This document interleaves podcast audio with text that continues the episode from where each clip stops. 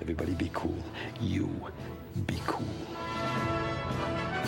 All right, you ready to have sex? We come in peace. We come in peace. You are the motherfucking Antichrist! We're gonna let you go, okay? Ok. Film er best på radio. I'm gonna make him an offer he can't refuse. Nova Noir.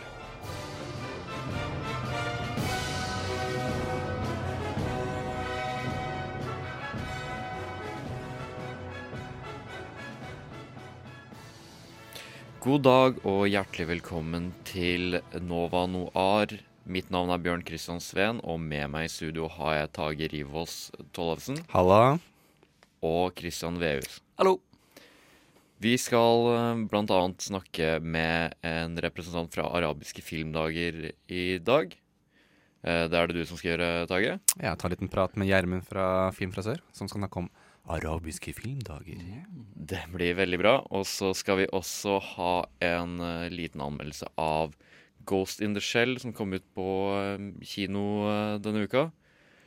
Eh, vi skal også snakke litt om Quentin Tarantino og våre personlige meninger hver for oss om Quentin Tarantino.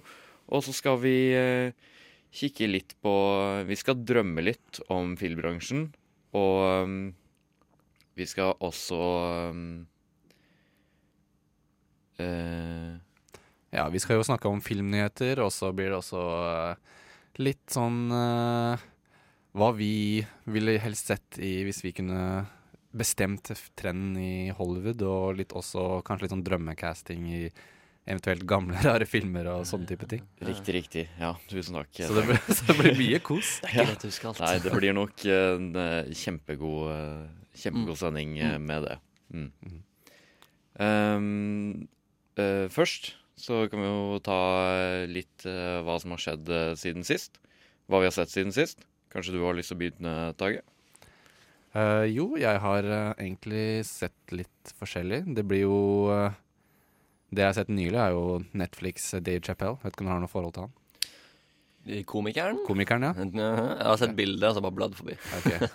Bladd forbi. Ja. Ja, for han har jo gjort, gjør jo comeback nå. For han, har ikke, han har jo forsvunnet fra entertainmentbransjen de uh, siste ti årene. Så nå har han jo kommet tilbake igjen til de flestes eh, Hva har han gjort uh, i, i mellomtida? Bare chillen, Og det har jo vært mye rykter om at han har vært deprimert og sånne type ting. Så, En komiker som deprimerte. Ja, Ja. men det finnes det mye av. ja, det, er, det er, henger ofte sammen, det. Det er rart. Det som eh, de ofte har sagt om eh, Dave Chappelle, er at han, eh, han begynte å gjøre det såpass bra at uh, han uh, han merka at suksessen virkelig liksom begynte å så get to him, så han uh, rett og slett bare meldte seg ut av, av hele bransjen. Mm. Eh, fordi han eh, var litt bekymra for hva det skulle gjøre med, med hodet hans, rett og slett. Så nå er han tydeligvis eh, over det, og eh, har jo da en av de råeste kontraktene med Netflix eh, som eh, noen noensinne har hatt, tror jeg. I hvert fall som enkeltstående individ. Jeg liker du er oppdatert på hvem som har eh, de beste kontraktene med Netflix. ja, Nei, jeg følger litt med på hva som skjer med Netflix. og sånn. Det- Dere kunne vist meg et bilde av en helt, helt tilfeldig mann, og, og sagt det er han David. David Chappell. Ja, og jeg sa ah, Men, ok. men har ikke, han har jo så mange sånne morsomme sånne der ikoniske uh, sketsjer. Sånne der uh, For eksempel um, La meg tenke på hvilken Ja, Tage? I'm rich, bitch! Det er litt sånn der uh, Er det han som fant på den? Lil Wayne, Lil Wayne, eller hva faen. Altså den som uh, kanskje Altså, jeg, han har en sånn derre eh, Jeg husker det var jævlig populært på hu- Husker dere på Nettby så hadde sånn derre pimp din profil-greie? og så sto det noe sånn som I'm Rick James, bitch, eller Ja. hva faen det var for noe. Ja. Det er jo Jeg veit ikke hvem eh, han er Rick i det hele tatt, men, filmen, eh, ja. ja, men uh, det er jo Dave Chappelle som liksom gjorde han egentlig kjent uh, for meg. Nice. Fin historie. Ja. Mm. Men uh, ja, nei, nå uh, tok vi det bitte litt Nå har vi tatt deg i taket, og så skal vi, når vi kommer tilbake etter eh, Miss Tati med Woman, Ja. så skal vi ta meg og deg, Christian. La oss gjøre det. Det gjør vi det. Det var eh, Woman av eh, Miss Tati. Og eh, nå nyss, før vi gikk på lufta igjen, så fortalte du meg noe ganske sjokkerende, Kristian. Ja, ehm, Jeg har altså da for I går så så jeg Mary Poppins for første gang. Riktig, riktig. Eh, det, ble det er jo nok til å bli skutt av filmpolitiet, bare si det. Ja. Eh, enda ikke sett den før nå, en alder av 22. Men eh, eh, hva syns du? Helt fantastisk!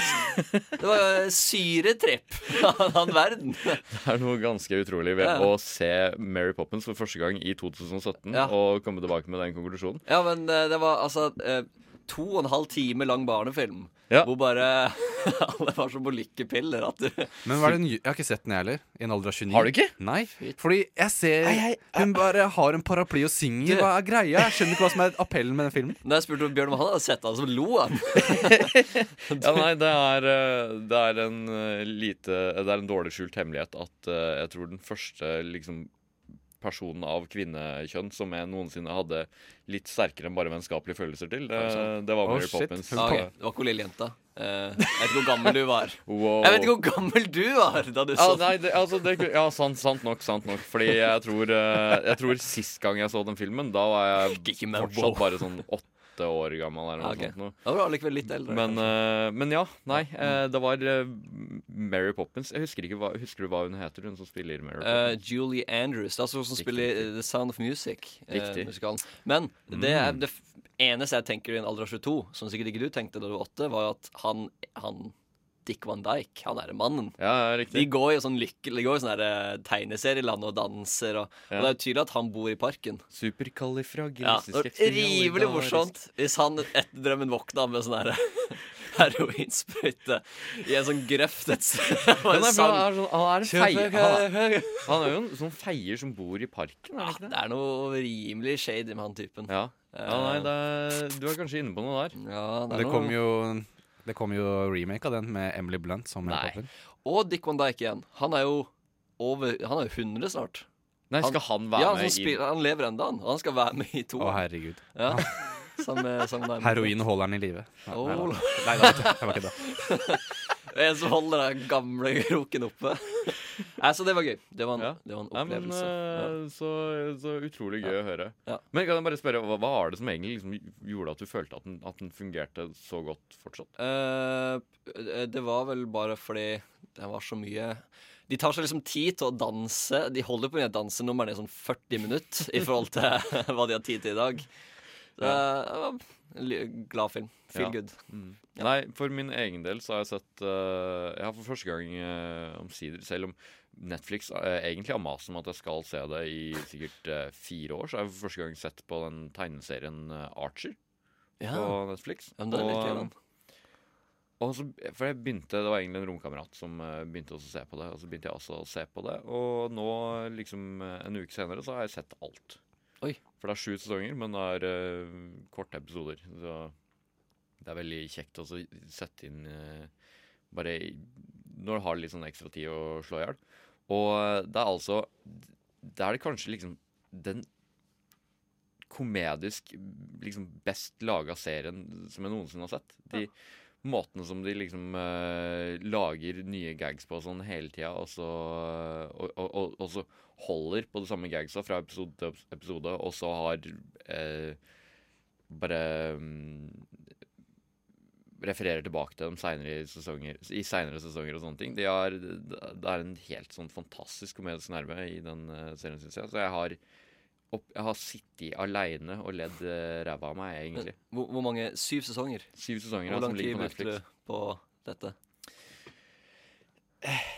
Altså Det er syv sesonger, og så er det ti-tolv episoder i hver sesong, tror jeg. Ja. Så altfor lang tid. OK, OK. ok, Du, du var ikke sånn herre Jeg hadde noe skolearbeid å gjøre, så da var det Jeg så på tre dager.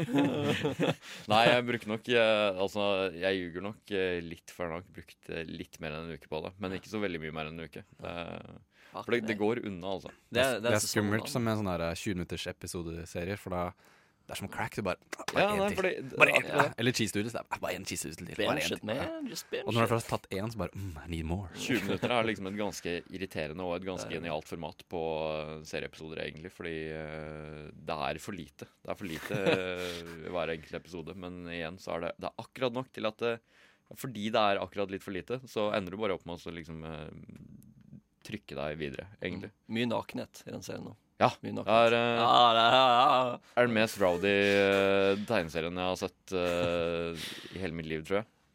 Men eh, det var hva vi har sett siden sist. Når vi kommer tilbake, så skal vi snakke med um, arabiske filmdager. Eh, før det så får du EBO Sound Machine med 'Give Me A Reason'. Det var IOI, Swavy og Nico Gray med Do You. Og inn i studio så har vi fått Gjermund fra Arabiske filmdager. Um, du skal svare på litt spørsmål som vi har eh, om eh, arabiske filmdager. Og de spørsmålene er det du som skal eh, ta deg av, Tage. Det skal jeg gjøre. Ja. Kan jo fort For de som ikke vet hva arabiske filmdager er, hva det er, kan du forklare det til lytterne? Det kan jeg gjøre. Jeg må legge til det først. da. Hvis dere ikke har eh, hørt om arabiske filmdager ennå, så shame on you. Da har dere ikke fulgt med i timen. Vi er jo blitt kåra av Variety, et bransjetidsskrift, som en av verdens viktigste filmfestivaler med fokus på, på Midtøsten og arabisk film. Og det er kanskje fordi vi kjenner han reporteren ganske godt, men, eh, men det er likevel ganske hyggelig. Eh, arabiske filmdager er nå i sitt syvende år. Vi viser film fra og om den arabiske verden. Vi starta som en studentorganisasjon student, eh, her på Blindern, Babel filmklubb, som satte seg ned sammen med Film fra sør og sa vi har lyst til å lage en filmfestival om, og, eh, om den arabiske verden. Eh, det var i eh, desember 2010. Og det var en god idé, syns alle. Og så i eh, januar 2011, da vi hadde vært på filmfestivaler rundt i verden og henta en del film, så eksploderte jo den arabiske våren. Så vår første utgave fikk eh, vind i seilene pga. alt som skjedde i, eh, i Egypt og i Tunisia. Og fra der så har det bare gått slag i slag og mer interesse for den arabiske verden. Så det som starta på Cinemateket i eh, 2011 med ti filmer og 1000 publikummere, er nå 24 filmer på Vika fra torsdag til søndag. Og i fjor så hadde vi mer enn 4500 publikummere, så det er vi veldig stolte av. Det høres veldig bra ut. Eh, det er jo er festivalen knytta til Film fra sør? Festivalen ligger under stiftelsen Film fra sør og arrangeres da i samarbeid med, med Babel filmklubb på Blindern. Ok. Um, hva er det som skiller arabiske filmdager fra andre festivaler? Nei, Det er jo et, eh, et godt spørsmål. Jeg vet ikke om det er så mye som skiller den, men vi har et ganske sånn eh, snevert geografisk fokus. Og det gir jo eh, muligheten til å, til å ta og gå litt mer i dypdykk på et område som blir ekstremt mye portrettert i, i media. Den arabiske verden nevnes jo stort sett hver eneste dag. Um, og vi ønsker å vise det beste av de filmene som lages i den regionen og om den regionen. Det er liksom hovedkriteriet for filmfestivalen. Og så I tillegg så supplerer, vi det med, med eh, paneldebatter. Vi skal ha eh, Sigurd Falkenberg Mikkelsen, som var utenriksreporter for NRK i, i Egypt eh, i fem år. Han kommer og eh, sammen med Thomas Hegghammer skal snakke om eh, om en film som heter The Father, The Son and The Holy Jihad. Om eh, franske muslimer som drar til Syria for å, for å kjempe jihad. Og så har vi en, en større kulturell ramme ved at vi viser eh, vi, har, eh, vi serverer hummus, og vi, eh, vi har en fest på, på kvelden med live eh, marokkansk eh, musikk. Og, og vi har eh, flere internasjonale gjester som kommer for å, for å presentere filmene sine. da. Hvilke gjester er det som kommer? I år har vi tre veldig prominente gjester. Vi har for det første, som eh, skal åpne festivalen i dag, han heter Mohammed Diab fra Egypt. Eh, han skal vise filmen sin 'Clash', og 'Clash' var eh, i Cannes i fjor og åpna den veldig prestisjetunge seksjonen En certain regard på, på filmfestivalen i Cannes. Um, og så har vi en som heter Mohammed Ben Atya, som um, vant uh, Sølvbjørn i Berlin i uh, 2019. 15 for eh, filmen 'Min arabiske vår' for beste regi. Og så har vi vår egen eh, Zaradasht eh, Ahmed, som er norsk kurder, som laga filmen 'Nowhere to Hide', som vant den mest prestisjetunge dokumentarfilmfestivalen, IDFA, i, i, fjor. Så han skal også komme og være til stede på festivalen.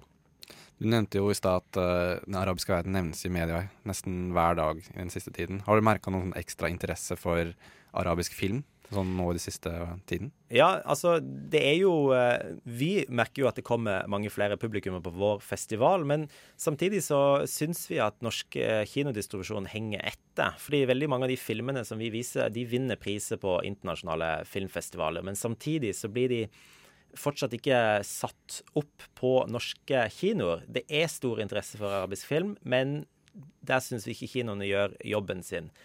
Um, og i 2011 så var jo eh, Da var Midtøsten noe som skjedde der nede. Det skjedde i Egypt, og det skjedde i Tunisia. Mens etter eh, borgerkrigen i, i, Syria, så har vi jo, og med den massive flyktningstrømmen, så ser vi jo at, at Midtøsten er ikke noe som bare er der nede. Det er også noe som er midt iblant hos oss. Og selv den bitte lille byen jeg kommer fra, der er det jo plutselig en haug med syrere som bor. Og det er jo kjempespennende, men det byr jo også på mye utfordringer, og det fordrer en del kunnskap om hva Syria eh, er og har vært og kan bli. Og det tror vi at eh, en sånn lavterskelmåte å få kunnskap om den arabiske verden er, er film.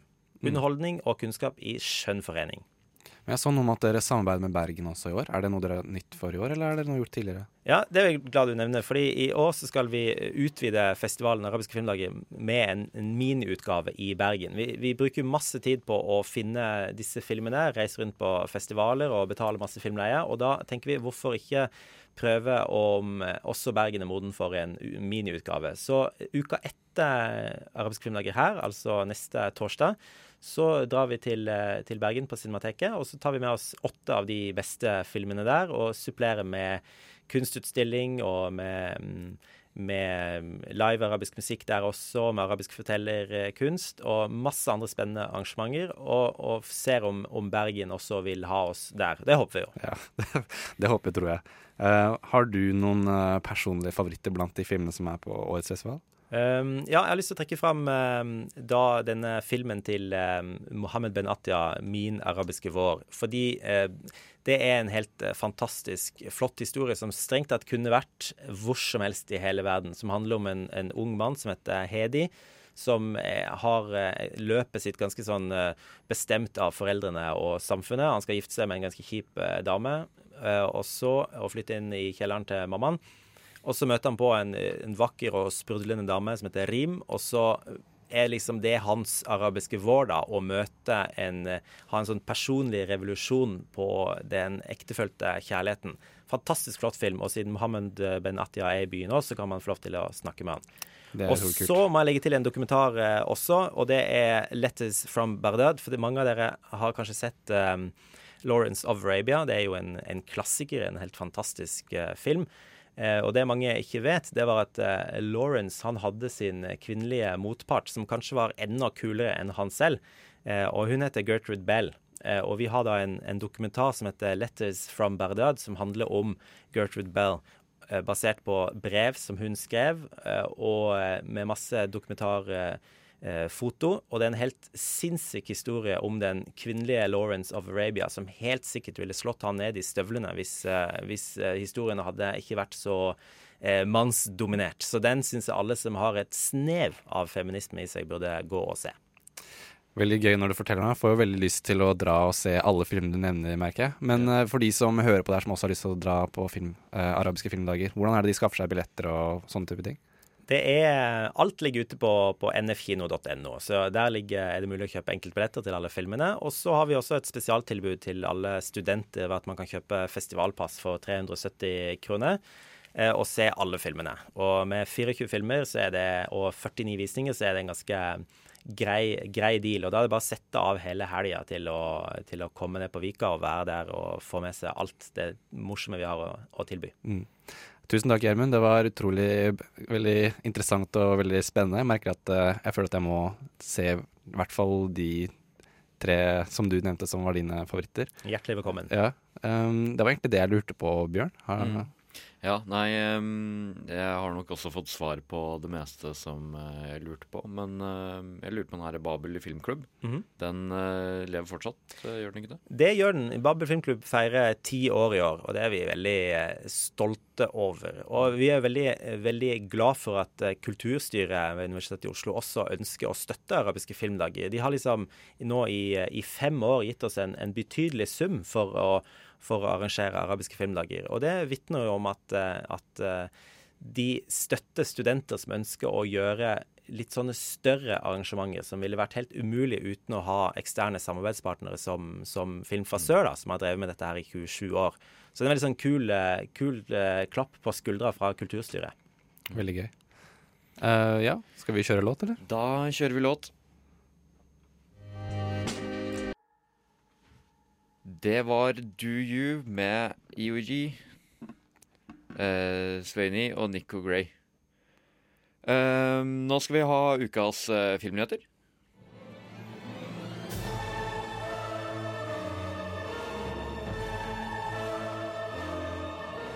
Well, hello, Mr. Fancy Pants. I got news for you, pal. You ain't leading but two things right now Jack and shit. And Jack left town. Nova Noir gir deg ukas filmnyheter. Ja, gutter. Eh, Ja, gutt.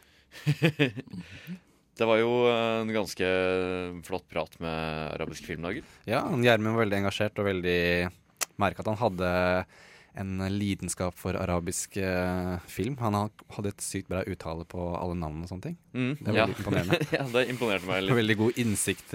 Sånn, du merker at når andre folk er engasjerte, så blir du også sånn engasjert i det han er engasjert om. Mm. Så veldig kul fyr. Og jeg gleder meg egentlig til å få sjekke ut noen arabiske filmer nå til helgen. Det også, men eh, andre nyheter? Hva er det du har uh, av nyheter denne uka, Kristian? Vel, eh, jeg kom over en nyhet. Eh, nyhet og nyhet. Jeg bare så at Tom Cruise Han skal jo da spille i den nye Mission Impossible eh, 6. eh, begynner å bli en, eh, en del filmer nå. Eh, han, I den forrige filmen, jeg vet ikke om du har sett den, der, der henger jo han på utsiden av et fly som da tar av. Som militærfly som tar av, og det gjorde de jo på ekte. Han hang jo faktisk på sida, og de måtte ta sånn tre-fire takes av det. liksom opp, og så ned, og så opp. ikke sant? Det der, og så drive og så stå på flyet og sånn, det var noe som var liksom Det var en egen sånn stuntmann-greie. Sånn type de turnerte rundt og gjorde det der. Ja, ja, ja. Og de døde som fluer. Daua som var det. Ja, men de gjorde Men, eh, ja, men Tom han gjorde visst på ekte. Eh, han, han skulle gjøre stuntene sine selv. Og så i fireren så klatra han jo på verdens høyeste bygning på Mm. ekte. Eh, det var sikkert noe tau involvert. Det var nok Han er jo strapp. Han er, som, han er jo strappa fast, så det er jo ikke altså, Det er jo imponerende. Ja, stram. Ja, fortsatt henger fra toppen på Burj Khalifa. Altså, da skal jeg være jævlig godt tjora Ja, fast. da skal jeg være full, være Da skal jeg rimelig smøkings. skal ikke være full hvis jeg skal være på toppen her, i hvert fall. Men jeg har jo også tidenes høydeskrekk, da. Men ja. Um, Iallfall nå uh, skal ryktet ha til at han har øvd et helt år på det nyeste stuntet som han skal gjøre i Mission Impossible 6. Og det skal ifølge regissøren overgå alt du noensinne har sett Tom Cruise gjøre på film. Noensinne. Så det er jo ikke å dempe forventningene. De, Jeg har, eh, jeg har nok veldig følelsen av at uh, det kommer litt til å bli sånn som det er James Bond, verdens dyreste eksplosjon, eller uh, hva ja, all verden var. Som var i Spectre. Ja. Ja, det, den ble jo liksom Det var litt sånn hypa akkurat den eksplosjonen. Men da jeg faktisk så det i filmen, så var det sånn der De kunne like så gjerne liksom tegna det, for min del. Så, Ganske svær eksplosjon, da. ja, det var jo det.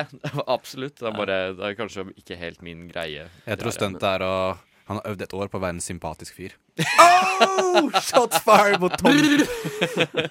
Og han kommer ikke til å klare det. Høre på, på Nerdist-podkasten der de intervjuer Tom Cruise. Det er det nærmeste jeg har hørt noe som helst liksom menneskelig eh, ved Tom Cruise. Men igjen, han høres ikke helt menneskelig ut. Han høres litt uh, sjuk ut. Kanskje han skal Jeg sa til Christian i stad Kanskje han skal ri på en rakett som blir skutt i månen, som en sånn cowboy som bare Yeehaw, let's go to space! Juhu!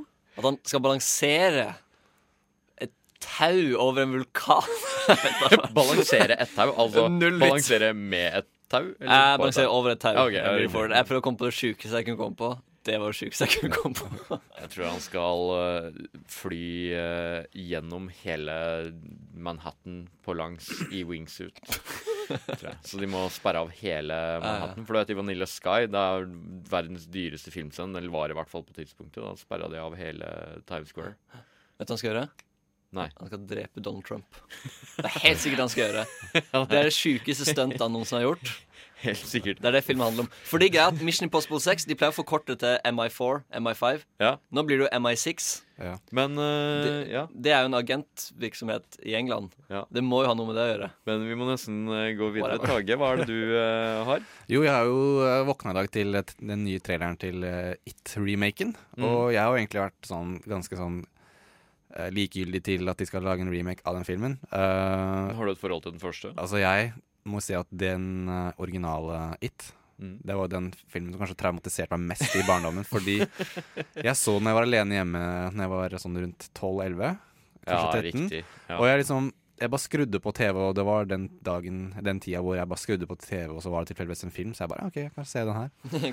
Ja, og så ser du bare en gutt da som får en sånn her liten sånn uh, papirbåt, og så renner ned kloakken, og så skal han hente den, og så er det han derre Tim Curry-klovnen. Så bare syns jeg var sånn, ah, det var litt ekkelt, men whatever. Og så plutselig blir han sånn demonisk og close-up av tennene hans og sånne type ting. Og jeg ble sånn herre det, det bildet bare brente seg fast i hodet mitt, og så så jeg Jeg så resten av filmen. Ja. Så jeg turte ikke å gå på do nesten eh, et helt år etterpå, for jeg var redd for skulle komme Pennywise ut av dassen, liksom. Men så har du endra litt holdning til nyinnspillingen, eh, så du? Jo, for jeg har tenkt at når jeg har sett den filmen på nytt igjen i voksen alder, så den ta- filmen er utrolig teit. Det er jo bare Den er så teit. Og så har jeg sett traileren, så de har liksom gjort klovnen Det er veldig mye sånn derre dagens uh, effekter og gjort mye sånn imagery mye mer sånn uh, creepy og skummelt og gjort litt mer sånn demonisk, da. Ikke Mm. sånn derre goofy ene goofy halvdel av personligheten til klovnen, og så en demonisk halvdel. Det er liksom gjort klovnen demonisk hele veien, virker det sånn, da Så Mm. jeg syns egentlig at uh, det ser ut som en ålreit skrekkfilm. Mm. Vet ikke om dere har sjekka traileren?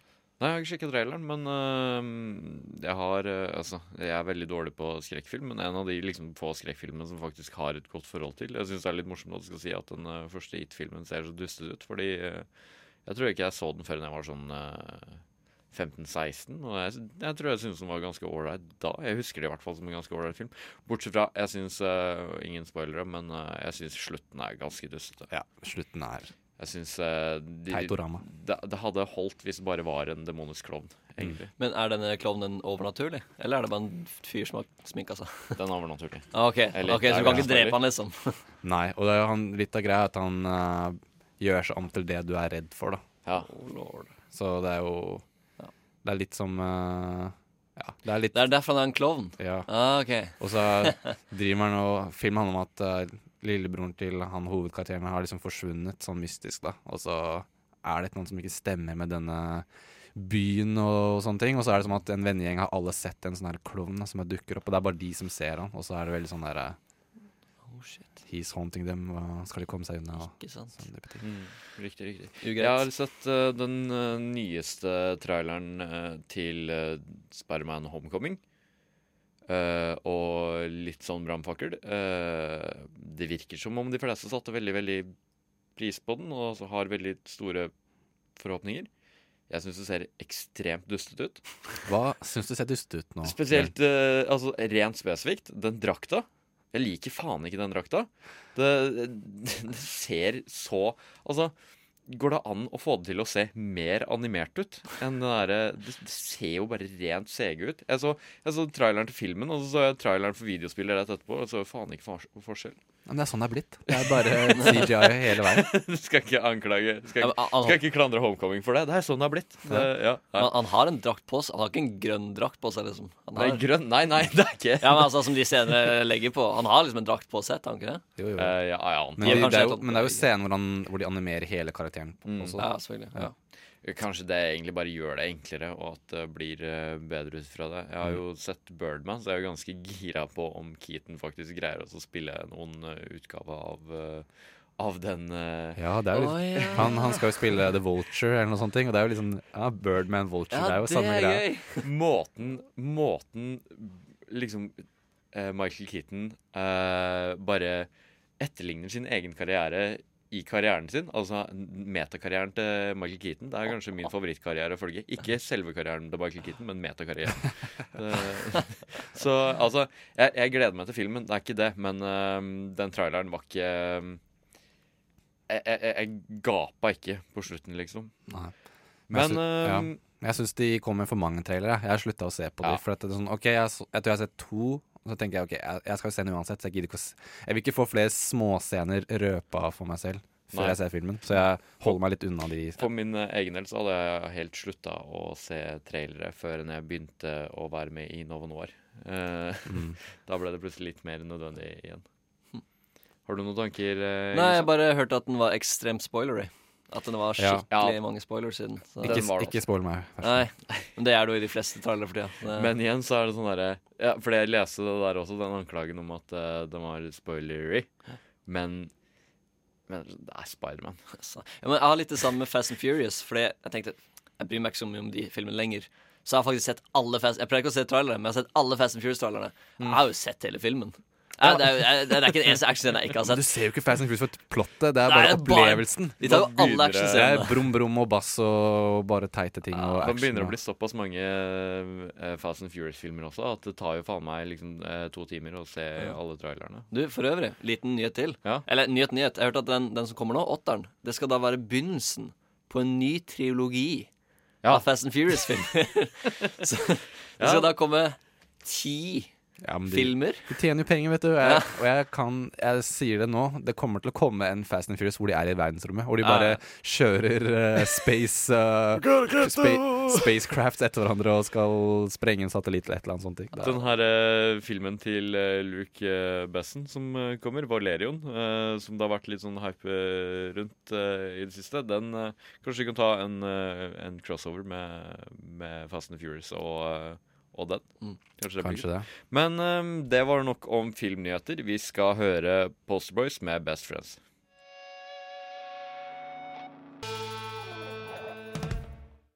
Best Friends med Poster Boys var det, og med oss i studio så har vi fått Tone Hafsås.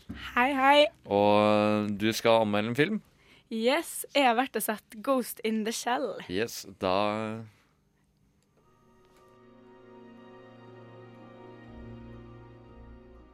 Ukens kinopremierer.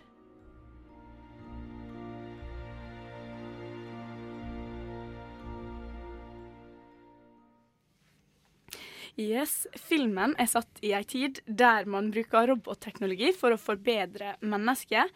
Og The Major, som er spilt av Scarlett Johansson, er den første, altså, den første med full robotkropp og human mind, og derav navnet Ghost in the Shell. You are the first of your kind, but you're not invulnerable. Maybe next time you can design me better. Everyone around me, they feel connected to something. Connected to something I'm not.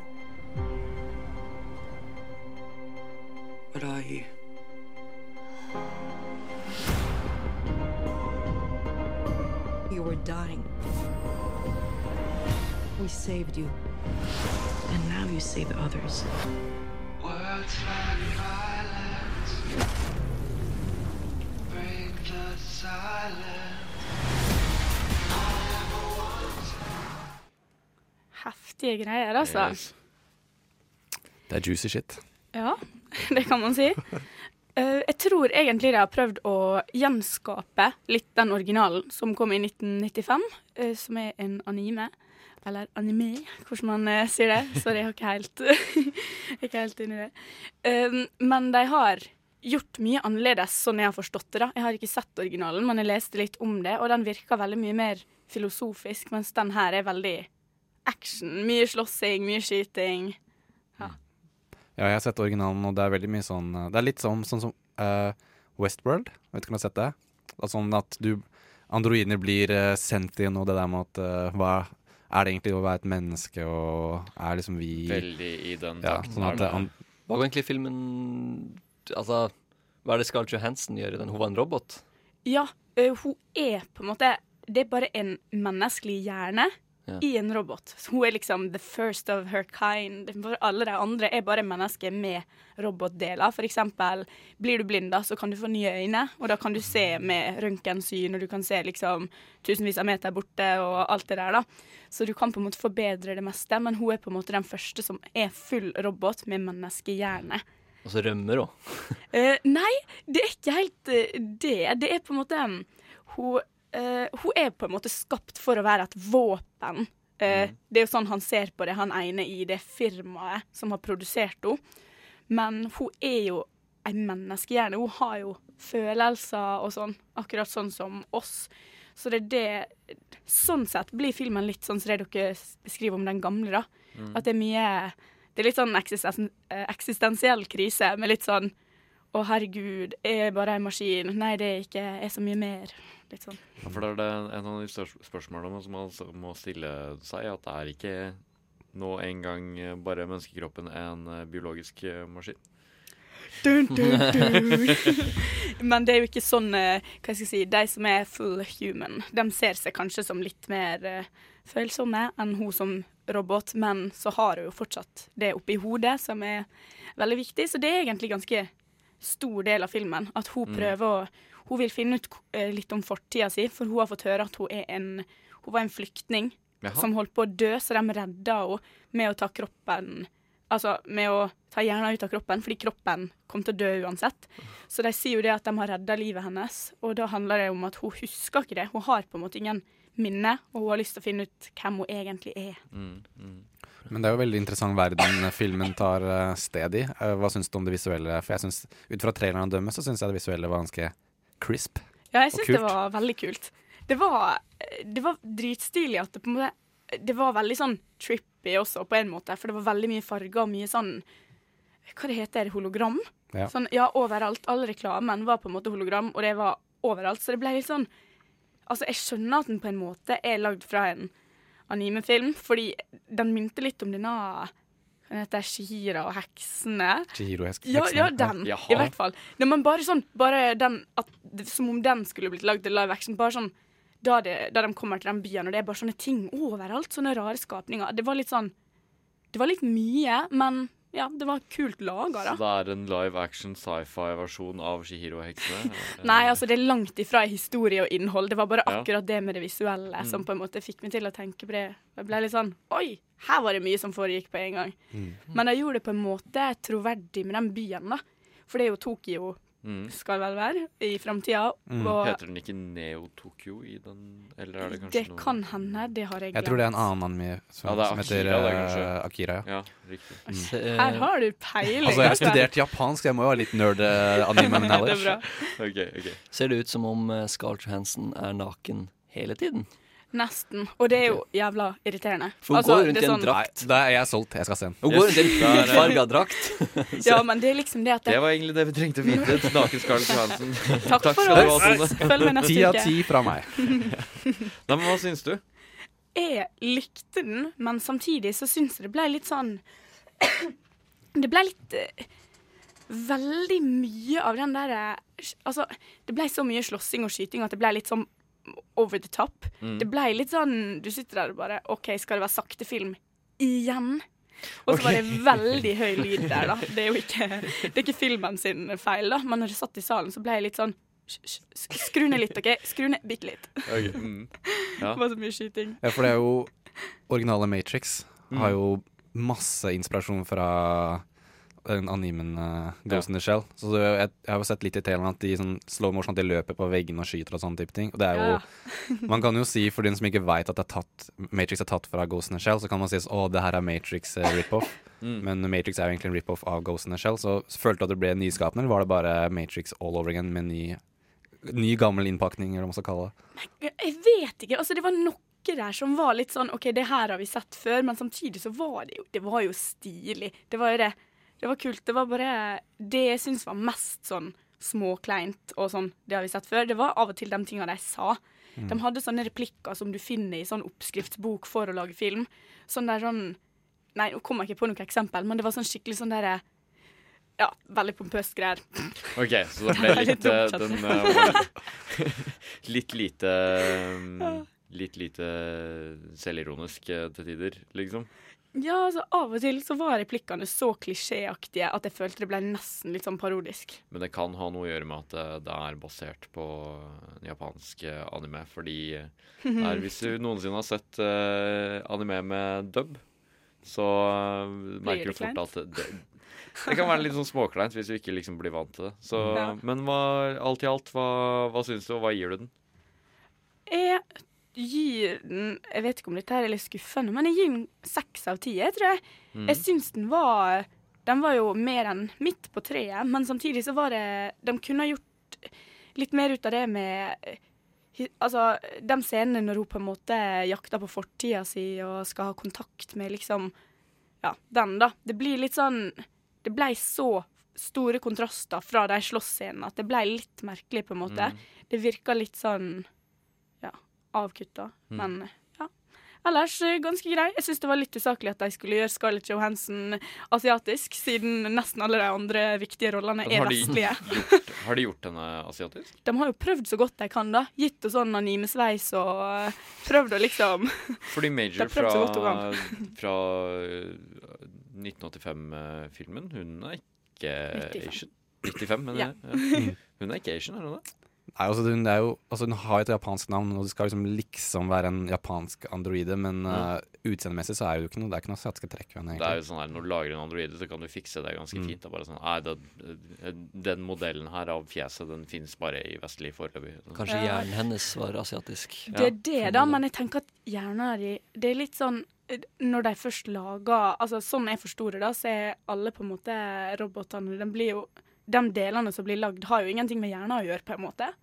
Så da var det litt sånn. Men Mm. ja, ja. Nei, men, men øh, tusen takk skal du ha, Tone. Yes. Um, da skal vi øh, høre uh, Gelendervagen 1982. Gelendervagen 1982 av Tøyen Holding og Ivar Strå. Året var 1979. Oi. Det var ikke meningen. Nå fikk jeg en liten tease av deg. Liten tease på den, liten tease av deg, Christian. Skal ha et innslag senere. Uh, skal ha et innslag senere som omhandler eh, eh, Omhandler uh, Hollywood-filmer her i Norge. Ja. Hvorfor vi ikke har flere av disse Hollywood-filmene her i Norge. Så det skal jeg snakke litt om senere. som, som spilles inn uh, ja, som i spilles inn i, i Norge, da. Så Mm. kan vi si 'Å, de spilte den i Norge'. Så Yes. det, blir, det blir spennende. Da skal vi høre et innslag som du har laga om det. Ja. Mm. Mm, mm, mm. Året var 1979, og stedet var Finse. Ja, bare den setningen der trigger enhver filminteressert person. Da de vet akkurat hva som skjedde på den tida og på det stedet. Storfilmen Star Wars The Empire Strikes Back spilte inn actionscener i de øde islettene, på det som skulle være planeten Hot, men som istedenfor viste seg å være lille Finse her i Norge. Innspillingene var preget av skader og helt crazy snøstormer. Og norske kjentfolk som eh, forfatterne Arve Juritzen og Tom Egeland de hadde statistroller som rebelske soldater som da slåss mot imperiets hær. De har fortalt at på innspillinga så ble de bedt om å skyte opp i løse lufta mot det som senere skulle vise å være AT-80 Walkers, altså de store robothundene som du ser i filmen. De har også fortalt at det kom helikoptre flygende inn med hamburgere til lunsj hver dag. Og de blir fortsatt stoppa opp og spurt om autograf fra folk verden over for de bitte små statistrollene sine. Ja, dette var stort for Norge. Star Wars-innspillingen er noe vi alle husker. Selv om vi ikke var født engang, så har vi blitt fortalt om uh, denne store hendelsen. Og selv om det ikke var en norsk film, så har den satt spor i norsk filmhistorie. Tusenvis av turister kommer verden over enda for å besøke Finse hvert år. For liksom å være til stede på planeten Hot. Og det var alt i alt en kjempesuksess for Norge. Så hvorfor har vi ikke flere slike Hollywood-historier?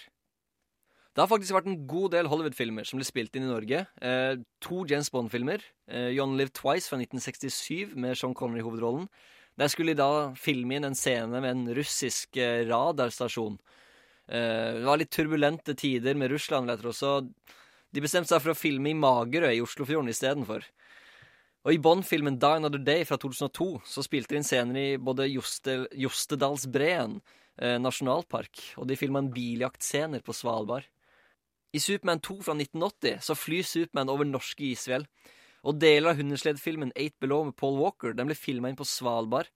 Og Det samme ble deler av Det gylne kompass med Daniel Craig og Nicole Kidman, begge filmene i 2006. Så vi har hatt noen filmer, og det er klart at selskapene kommer til Norge pga. den norske naturen. Men om det er bilder av filme inn scenene et annet sted, så er det fort det Hollywood-produsentene velger å gjøre. Mange av de store Hollywood-produksjonene i dag er avhengig av pengestøtte fra landet de besøker, og i Norge så gjøres dette nå gjennom den såkalte intensivordningen. Staten begynte i 2016 å dele ut 45 millioner kroner til denne ordningen årlig. De skal dermed da fordele pengene på de utenlandske produksjonene, som skal få tilbake 25% av det de brukte under innspillingen i Norge. I år så gikk 40 millioner kroner til den Oslo-baserte innspillingen av 'Snømann' med Michael Fassbender, mens 5 millioner kroner gikk til Matt Damon sitt prosjekt 'Downsizing', som ble spilt inn på Lofoten nå i fjor. Ikke særlig mye penger, særlig ikke når du har så store stjerner som Matt Damon og Michael Fassbender. Og et annet problem det er at vi tar imot søknader fra filmselskap kun én gang i året. Dette gjør det ikke bare ekstremt vanskelig for Hollywood-selskaper å få støtte i tide, men de får også ganske liten støtte i forhold til hva slags enorme budsjett de har. Så hvorfor velge et land de får lite penger av og må vente lenge på, når de isteden kan dra til f.eks. Island og få noenlunde samme naturlandskap? Ja, det er akkurat det de gjør. Island de har hatt en strålende intensivordning det siste tiåret, og har med det hatt innspillingsbesøk av blant annet Batman Begins, James Bond Die Another Day, Interstellar, Fast and Furious 8, Oblivion, Star Trek Into Darkness, Noah, Thor The Dark World, Star Wars The Force Awakens, Star Wars Rogue One, Aquaman og Game of Thrones. Og turistene strømmer jo inn til Island for å besøke stedene hvor favorittfilmene deres har blitt spilt inn. Det er penger i turistkassa. The Menace! Den nyeste Transformers-filmen, The Last Night, spilte visstnok i høst inn på Trolltunga, Atlanterhavsveien og uh, Prekestolen her i Norge. Så vi ser at det begynner å funke, sakte, men sikkert. Men vi har fortsatt en lang vei å gå hvis vi skal nå opp til Island sine standarder. Og Hvis flere Hollywood-produksjoner velger Norge som innspillingsland, så vil det ha mye å si både for turismen her i Norge, men også for den lokale arbeidskraften. Altså, Det var jo hundrevis av folk som fikk arbeid, eh, iallfall for en kort periode, da Snømann-innspillinga gikk av stabelen her i Oslo. Blant annet meg som statist, som går rett bak Michael Fassbender i en av scenene. En scene jeg virkelig håper at de skal ha med i den ferdige filmen. Og det skaper et godt nettverk mellom den norske og amerikanske filmverdenen. Så vi får bare vente og se om det blir mer støtte til intensivordningen. Det er en helt ny ordning, så det er klart de trenger tid på seg. Så får vi se hvordan det utvikler seg de neste årene. Tenk om vi i fremtiden kan se en Harry Potter-spin-off, hvor de jakter på fabeldyr i Hardangerfjorden. Eller om de Fast and Furious 9 kunne råne langs Atlanterhavsveien. Norge kunne blitt sånn lite filmeventyrland, hvor turister kommer fra hele verden for å besøke de små bygdene og innavla krokene som Norge kan tilby. Og forhåpentligvis, om 50 år til, så kan du se på Star Wars 17 med barnebarna dine. Peke på den ene av 100 stormtroopers som løper rundt i snøen på Lillehammer, og rope 'Det er meg'. Takk for denne gang. Vi hørte Lekne lett med Nike. Vi bare Og- gjør det som Nike. Vi bare gjør det. Og det vi gjør nå, er at uh, vi skal ta en sånn liten uh, drømmerunde. Vi skal fantasere litt. Det er jo i uh, disse tider så er jo blant annet noe av det som preger filmbransjen veldig, er jo reboots. Og Reboots, remakes, live action remake, bla, bla, bla, bla. bla. Du fant på disse store, du. Ja. Reboots, remakes, ja, etc. Og um, mangel på diversitet i, uh, i um, Oscar-utdelingene, den type ting. Og så f.eks. Bechdale-testen, som er uh, at eh, det er veldig mange filmer som feiler en sånn test som sier at eh, eh, for å bestå den, så må du ha to kvinner som på et eller annet tidspunkt snakker eh, sammen i en viss periode uten også å diskutere en mann. Eh, Ok. Ja. ja. Artig. Eh, som det er veldig mange Det er veldig veldig få filmer som består den testen. Og um, Har du lyst til å begynne, Tage? Ja, fordi eh, sånn som Hollywood ser ut nå, så er det veldig Alt er veldig paint by numbers. Det er sånn du har kjent eh, franchise, kjent vare. Du tar eh, en eller annen kjent eh, dude eller dudette, Mm. putter det inn. Helst kanskje noe som folk har eh, nostalgiske forhold til. Gir dem litt member berries hvis dere har sett South Park. Ja. Husker dere Chewbacca? Bam! Ny Star Wars-film. Husker dere Han Solo? Bam! Ny Han Solo uh, standalone-film. Avengers, du, you name it. Ja. Som vi nevnte tidligere, kommer det Emily Blunt uh, sin Mary Poppins uh, osv. osv. Men Det var en eh, gang i tiden hvor det var eh, italienere som elska å lage westernfilmer, som fikk eh, navnet i senere tid spagetti-westerner. Fordi italienere, spagetti Spaghetti. Så klart. Ja, ja. Course. Eh, mens jeg har en våt drøm om at uh, siden jeg elsker koreanske filmer Jeg Ja. syns ja. de fleste filmene jeg så i fjor, var de beste som jeg så i fjor, var fra Korea. Så jeg vil at det skal komme en sånn koreansk renessanse for Men at det er engelskspråklige filmer. Mm. Og jeg elsker jo sci-fi. Så jeg tenker at det som må komme nå, er det jeg vil kalle kimchi sci-fi. Jaha. Ja. Ja. Det skal komme gode sci-fi-historier. Litt sånn, mye, litt sånn nesten sånn horroraktig. Ja. For det er uh, koreanerne veldig gode på. Sånn Mm. oldboy Jeg tenker sånn, Tenk deg oldboy i verdensrommet. En eller annen sånn revenge-historie in space. En eller annen sånn uh... De er jo også kjente fra liksom sånn med jevne mellomrom, sånn cirka liksom sånn uh, en gang i halvåret eller hver tredje måned, så er det noen som kommer og så liksom sånn sier sånn derre 'Å, herregud, har du sett den filmen der?' Jeg bare sånn 'Hæ, hva, hva er det der for noe?' 'Nei, det er en uh, koreansk film, og det er det, er det sjukeste som skjer', liksom. 'Og det er monstre'. Jeg har aldri sett noe lignende. Det er, det er liksom, de er ekstremt gode på å liksom ta egentlig ganske tropete tingene, og så bare introdusere et eller annet som når folk ser det, så bare 'what?' Yep. Så jeg skjønner de veldig godt. tar liksom Hollywood-troper, og så i en typisk Hollywood-film så er det sånn Nei, nei, han kan ikke dø, for han er jo hovedkarakteren. Mm. Mens uh, i koreanske filmer ingen er trygge. Eller han er hovedkarakteren, han må jo se sånn ut. Mens i koreanske film Nei, han kan være en tjukk uh, politimann som uh, ikke ser bra ut i det hele tatt. Mm. Så det er eh, mye mer åpne for uh, annerledes ting i Korea. Så jeg syns at nå trenger vi gode sci-fi action-historier, og jeg vil at det skal komme fra koreanere som bare lager noe helt crazy shit. Sånn som Train to Busan i fjor. Mm. En av de mest eh, nyskapende og kule zombiefilmene jeg har sett på veldig lenge. Riktig, vi, vi trenger en ja. Train to Busan i verdensrommet eller et eller annet sånt. Ja. Det er viktig at det er verdensrommet. Eller det trenger ikke å være i verdensrommet, men bare sånn gi meg noe sci- Sci-fi, sci-fi, eh, juicy shit, rett og slett. Vær litt, eh, så, så vær litt spennende, og eh, fuck Italia, fuck Frankrike, fuck Hva er det du sier? Ikke USA. fuck- ikke fuck Eh, Italia. Penga våre heretter legger vi eh, i Korea. Korea. Vet du hvor mange italienere som hører på radio nå? Ja, Edvard det er er en av vel. Minst to. Det er, okay. det er 92 av alle lytterne våre er italienske, er det ikke det? Jo, Eh, ja. stemmer. Det er pussig. Det er ikke vi som velger det. Har du eh, noen endringer som um, ja, jeg tenkte jo på det. Jeg er veldig fan av blande sjangere. Eh, Mhm. blande craze, bare. Min største drøm er at Gudfaren skal bli en musikal en dag. Ja. Um, det hadde vært fantastisk å se Mark Corleone Nå skal ikke jeg synge på radio, men det var fantastisk å se han synge. Med gøra for egen og og så videre. Uh, Skal ikke synge. sang ja, så, så jeg sang en sang allikevel. Uh, men det har vært, det har vært gøy. Uh, Si en sjanger. Eh, western. Tage. Sjanger. Uh, skrekkfilm. Ja, en western skrekkfilm Ok, det var ikke så rart. Men det har vært kult. Nei, men har det jeg, jeg kan ikke huske å ha sett noen western-skrekkfilmer. Der har du det. Jeg har sett en western sci-fi. Ja, det fins. Det, er- det fins sikkert western-skrekkfilm også, hvis vi graver litt. Ja, da ser du. Nye ideer med en gang. Ja, ja, nei, ja ikke sant? Bare, bare, bare Kom med det. basically liksom bare ta um, sånne her kjøleskapsmagneter, legg dem på et bord og bare liksom Ja, ikke sant? Appell til uh, Hollywood uh, executives. Bare, bare Mm. legg noen kjøleskapsmagneter med sjangernavn på et bord, og så bare lukk øya, og så bare dra sammen to stykker. En romantisk skrekk-fantasy.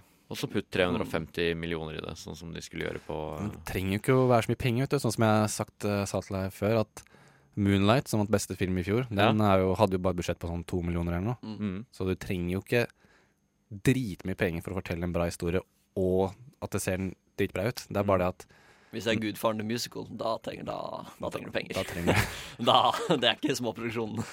Nei, det, er, det er sant, ass. Jeg er faktisk helt enig her. Nemlig, fordi vi prata jo litt om det der, og du nevnte nettopp på det der, og det fikk meg til å tenke og um, Så jeg er veldig glad for at du nevner det, fordi det fikk meg til å tenke uh, på at uh, ja, det er veldig mulig også å lage knallbra filmer for en ganske billig penge. Den uh, Get Out eh, som eh, Mhm. ble en ellevill uh, suksess nå også, den, Ja, eh, den har jo premiere i Norge i april. Har den det? Ja, mm, den kommer ja. til Norge. Og eh, den eh, hadde jo heller ikke verdens største budsjett, men den har jo tjent eh, penger så det svinger etter. Men det fikk meg egentlig til å tenke ikke at jeg vil ha flere filmer med lavere budsjett og mer originalt innhold. Jeg vil egentlig bare at vi putter alle penger som brukes til å lage film, inn i én film. Men, Ok. Alle pengene i verden, én film? Det totale filmbudsjettet til verden. Jeg syns vi skal ta det og så putte det i én film. Ok, og Hva skal denne filmen handle om? Har du en idé om det? Eh, Livet og det å leve av sånn.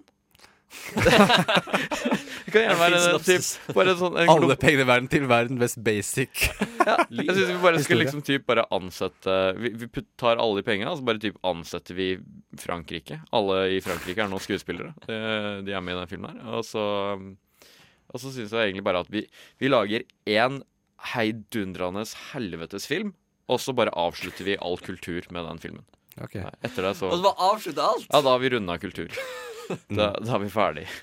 Eller hva med å ta krigsbudsjettet til alle Eller en, et, kanskje to eller tre land, da. Mm. Og så bare har de krig på ekte, og så bare filmer du det som en sånn sånn herre Ja. Sånn found footage, uh, bare at det er ekte. Ekte found Altså, footage. ikke- ikke drep amerikanere. Det er det. Faktisk found footage. Vi tar, uh, vi tar GDP-en. Altså vi tar uh, krigs, krigspenga til USA, Russland og Kina, og så lager vi en found footage krigsfilm. Mm. Det, spesielt det å gjøre det found footage. Alle fantastisk. løper ut med sånn hjelmer med svært hvitt flagg på. Ikke skyt de her. Ja. Så løper du- Og så har alle GoPro, sånn at eh, de kan liksom, du kan klippe sammen Åh. fra Du har uendelig nesten muligheter med hvem du skal Vanvittig loggejobb etterpå. Ja, ja. Finne de Ja, men beste shotsa. Det er der hele budsjettet går, til loggerne. Som Ja, må sitte og se gjennom alt sammen. Prodassene som skal Praktikantene. Mm. Nei, det er bra. Nice. nice. Men eh, ja, da har vi uh, fantasert litt om det. Nå skal vi høre uh, Kurt Weil med 'Pretty uh, Pimpin'. Yeah, boy.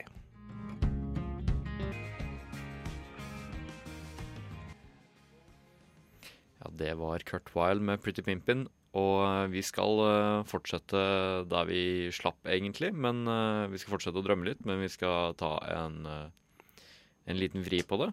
For det vi skal prate om nå, er eh, eh, drømmecasting og i bunn og grunn liksom drømmefilmer, oppfølgere etc. Bare eh, i bunn og grunn Hvis du hadde fullstendig makt i filmindustrien, hva, hvilke liksom, eh, filmer eh, vil du lage, og hvem vil du kaste dem i? Da kan det også liksom typ være eh, filmer som allerede eksisterer, men kanskje med en litt mer spennende hovedrolle. Og Christian, Mhm. du hadde et lite forslag der. Uh, ja. eh, rett og slett Arnold Schwarzenegger i Fifty Shades of Grey. Det Ja. Hadde vært kjempemorsomt å se. Det var det første som, som falt inn i hodet på meg. Det Where do I put it? Jeg vet ikke. Han skulle kose. Sånn sånn uh... Get down on the bed. Yeah. jeg, jeg kan ikke aksent. Jeg kan ikke etterligne folk. Where do I put it? Jeg blir sånn indisk. ja. Men, Men det å se ja, en såpass stor, klumpete, litt småekkel mann uh, som egentlig skal prøve å være sexy, det Men da som uh, Doring Ray, eller Nei, Doring Ray? Et bilde av Doring Ray? Ah, Steele. Anastasia, ja, han kunne vært uh, Det var Anastasia. enda morsommere. Hvis OK, Kristin Grey, som skal liksom rise Ja, Christian Grey er det. Skal liksom rise Arnold Schwarzenegger på rumpa Ja. eh, med en pisk. Oh. Og jeg, kan bare, sann. men jeg, kan se for meg de her, de her eh, sensuelle liksom eh, Når eh, Når Når Ellie Goulding Golding begynner å spille en sånn sakte ballade i bakgrunnen, og så ser du liksom bare Arnold Schwarzenegger og han fyren som spiller Christian Grey. De nærmer seg sakte, sakte, sakte. Og Mm. Så blir Arnold bare bundet fast med sånn silkeslør opp til senga. Sånn bind for øynene. Og Arnold. Å ja. Go easy on me, Christian. Go hard on me. er, det, er, det, er det derfor du fantaserer om det? Fordi du og hovedpersonen i, eh, i eh, Fifty Shades of Grey Dere har samme fornavn, så du kan late som det er deg, Arnold Schwarzenegger. Vi sier ja. Ja? Vi Mm. sier ja. ja. Han må jo komme med en eller annen kul sånn derre I'll be ba Åh, et eller annet. Åh. Get to Mr. Christian's personal chopper. Get to the OK, jeg, kan ikke, jeg skal ikke si noe grovt nå. Men uh, hva med deg, Tage? Har du noe ideer? Uh, jeg vil jo se en oppfølger av The Nice Guys, som jeg syns var en veldig undervurdert komedie fra i fjor. Ja. Og altså, de skal ha eh, Russell Crowe og Ryan Gosling Mm. fortsette. Men uh, de må jo ha Jeg føler er- Den franchisen kan være litt som uh, Dødelig våpen. At de må introdusere en sånn Joe Pesci-aktig karakter Mm. i neste film. Og jeg liksom Jeg syns at Kevin Hart kan være morsom. Mm. Han kan liksom funke som en uh, sort uh, Joe Pesci i en sånn uh, I en sånn type buddy cop-film. Men han trenger bare å ha bedre manus og bedre regissør. Så jeg tenker at en oppfølger til Nice Guys 2 med Kanskje han er en skurk, faktisk. Jeg tenker meg om. Kanskje han kan være Kevin Hart. Kevin jeg kan godt tenke meg å se Kevin Hart som litt sånn herre Litt sånn herre ikke, ikke The Joker, men litt sånn Joker-ish. Jeg føler han kunne gjort en sånn ganske god sånn rolle. Bare sånn spilt sånn smågæren, men fortsatt sånn uh, utrolig intelligent og makt... Uh, Mm. Mektig, liksom. Fordi Ja. jeg, jeg syns Kevin Hart virkelig liksom Han har egentlig virkelig den der muligheten til å um, Han er jo åpenbart en veldig veldig intelligent mann, men han spiller alltid oh, Nå kom jeg på det. Kevin Hart er det, liksom ultimate bad guy, og så har han to sånne henchmen, og den ene er The Rock Ja. og uh, Og uh, Ice Cube. For at han har jo alltid sånn her buddy Cup film med de to, hvor han alltid er den nære som ikke kan en dritt og, Ja. sånne ting. Nå har han de Så to flipper det Ja, helt flipper du skriptet. scriptet. Ja. Nå har han de to ah, som ja, sine goons, og så blir det på en måte en slags sånn at uh, at Ice Cube og The Rock har en sånn der At de to er partnere, på en måte. Ja. Så. Så, Nemlig. ja. Det er min eh, lille casting-fantasi. Ja. Nei, jeg syns det eh, Det er strålende. Vi, vi burde ha en fa det burde være en fast spalte som heter Hollywood. Hører du etter?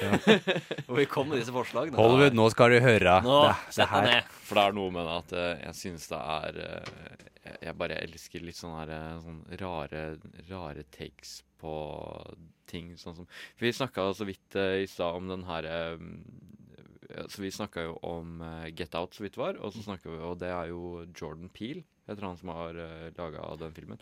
Og han er fra den komikerduoen Keen Peel, og de har jo den eh, den komedien som heter Kianu. Keanu. Ja. Og det er blant annet eh, på et eller annet tidspunkt så, på et tidspunkt så har det, det er en katt som snakker med stemmen til Keanu Reeves. Og Er det stemmen til Keanu Reeves på ekte? Ja, ja, ja, Ah, så definitivt. kult. Ja, Um, For det er jo en parodi på John Wick-filmen til Keanu Reeves, da.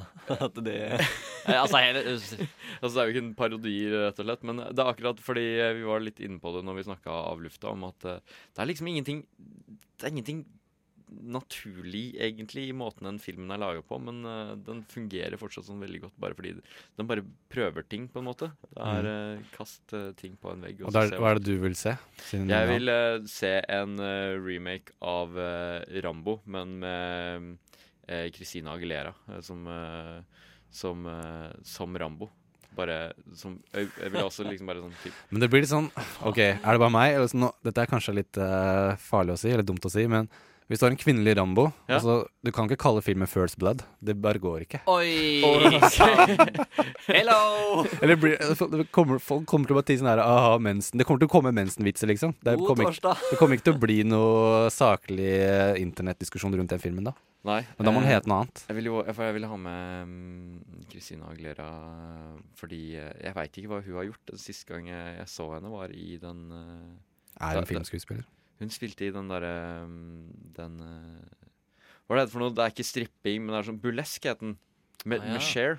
Ja. Spilte den. Okay. Uh, og så, ha, fordi har hun jeg, jeg tror ikke jeg, jeg har ikke sett henne på kjempelenge, så jeg savner litt sånn eh, Jeg har ikke så veldig sans for musikk. Du savner Jeg savner bare egentlig Christina Aguilera i uh, mediebildet. Det er, uh, det er lenge siden sist.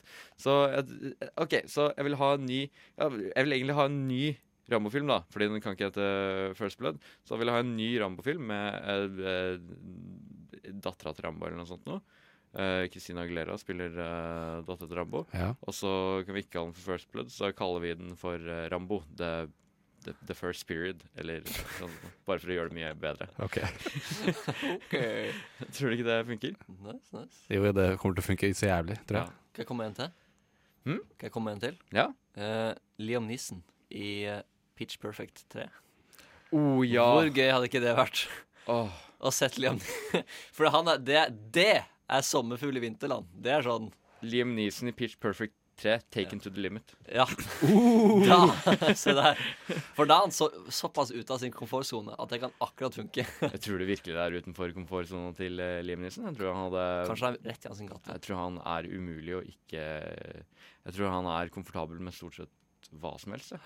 Det er jo Når du ser uh, Liam Neeson i komedier og sånn, er jo, han er jo ikke spesielt morsom. Han er jo bare Liam Neeson, men uh, fortsatt, han ser, uh, han ser veldig komfortabel ut. Bare se Liam Neeson stå på scenen og være være Liam Neeson. De andre bare danser rundt ham. Han bare står der og bare stirrer. Jeg hadde Mhm. betalt for å gå og se den filmen. Jeg vil se type Hva heter den Adam Sandler-filmen? Jill og Jack. Å, du vil, vil du se en ny Jill og Jack? ny Jill og Jack med Anthony Hopkins som Jill og Jack. For å se om bare skuespillerproviset endrer eh, premisset for filmen. Nei, nei, nei. Nei, Du tror ikke det hadde blitt bra? Nei, nei. Nei?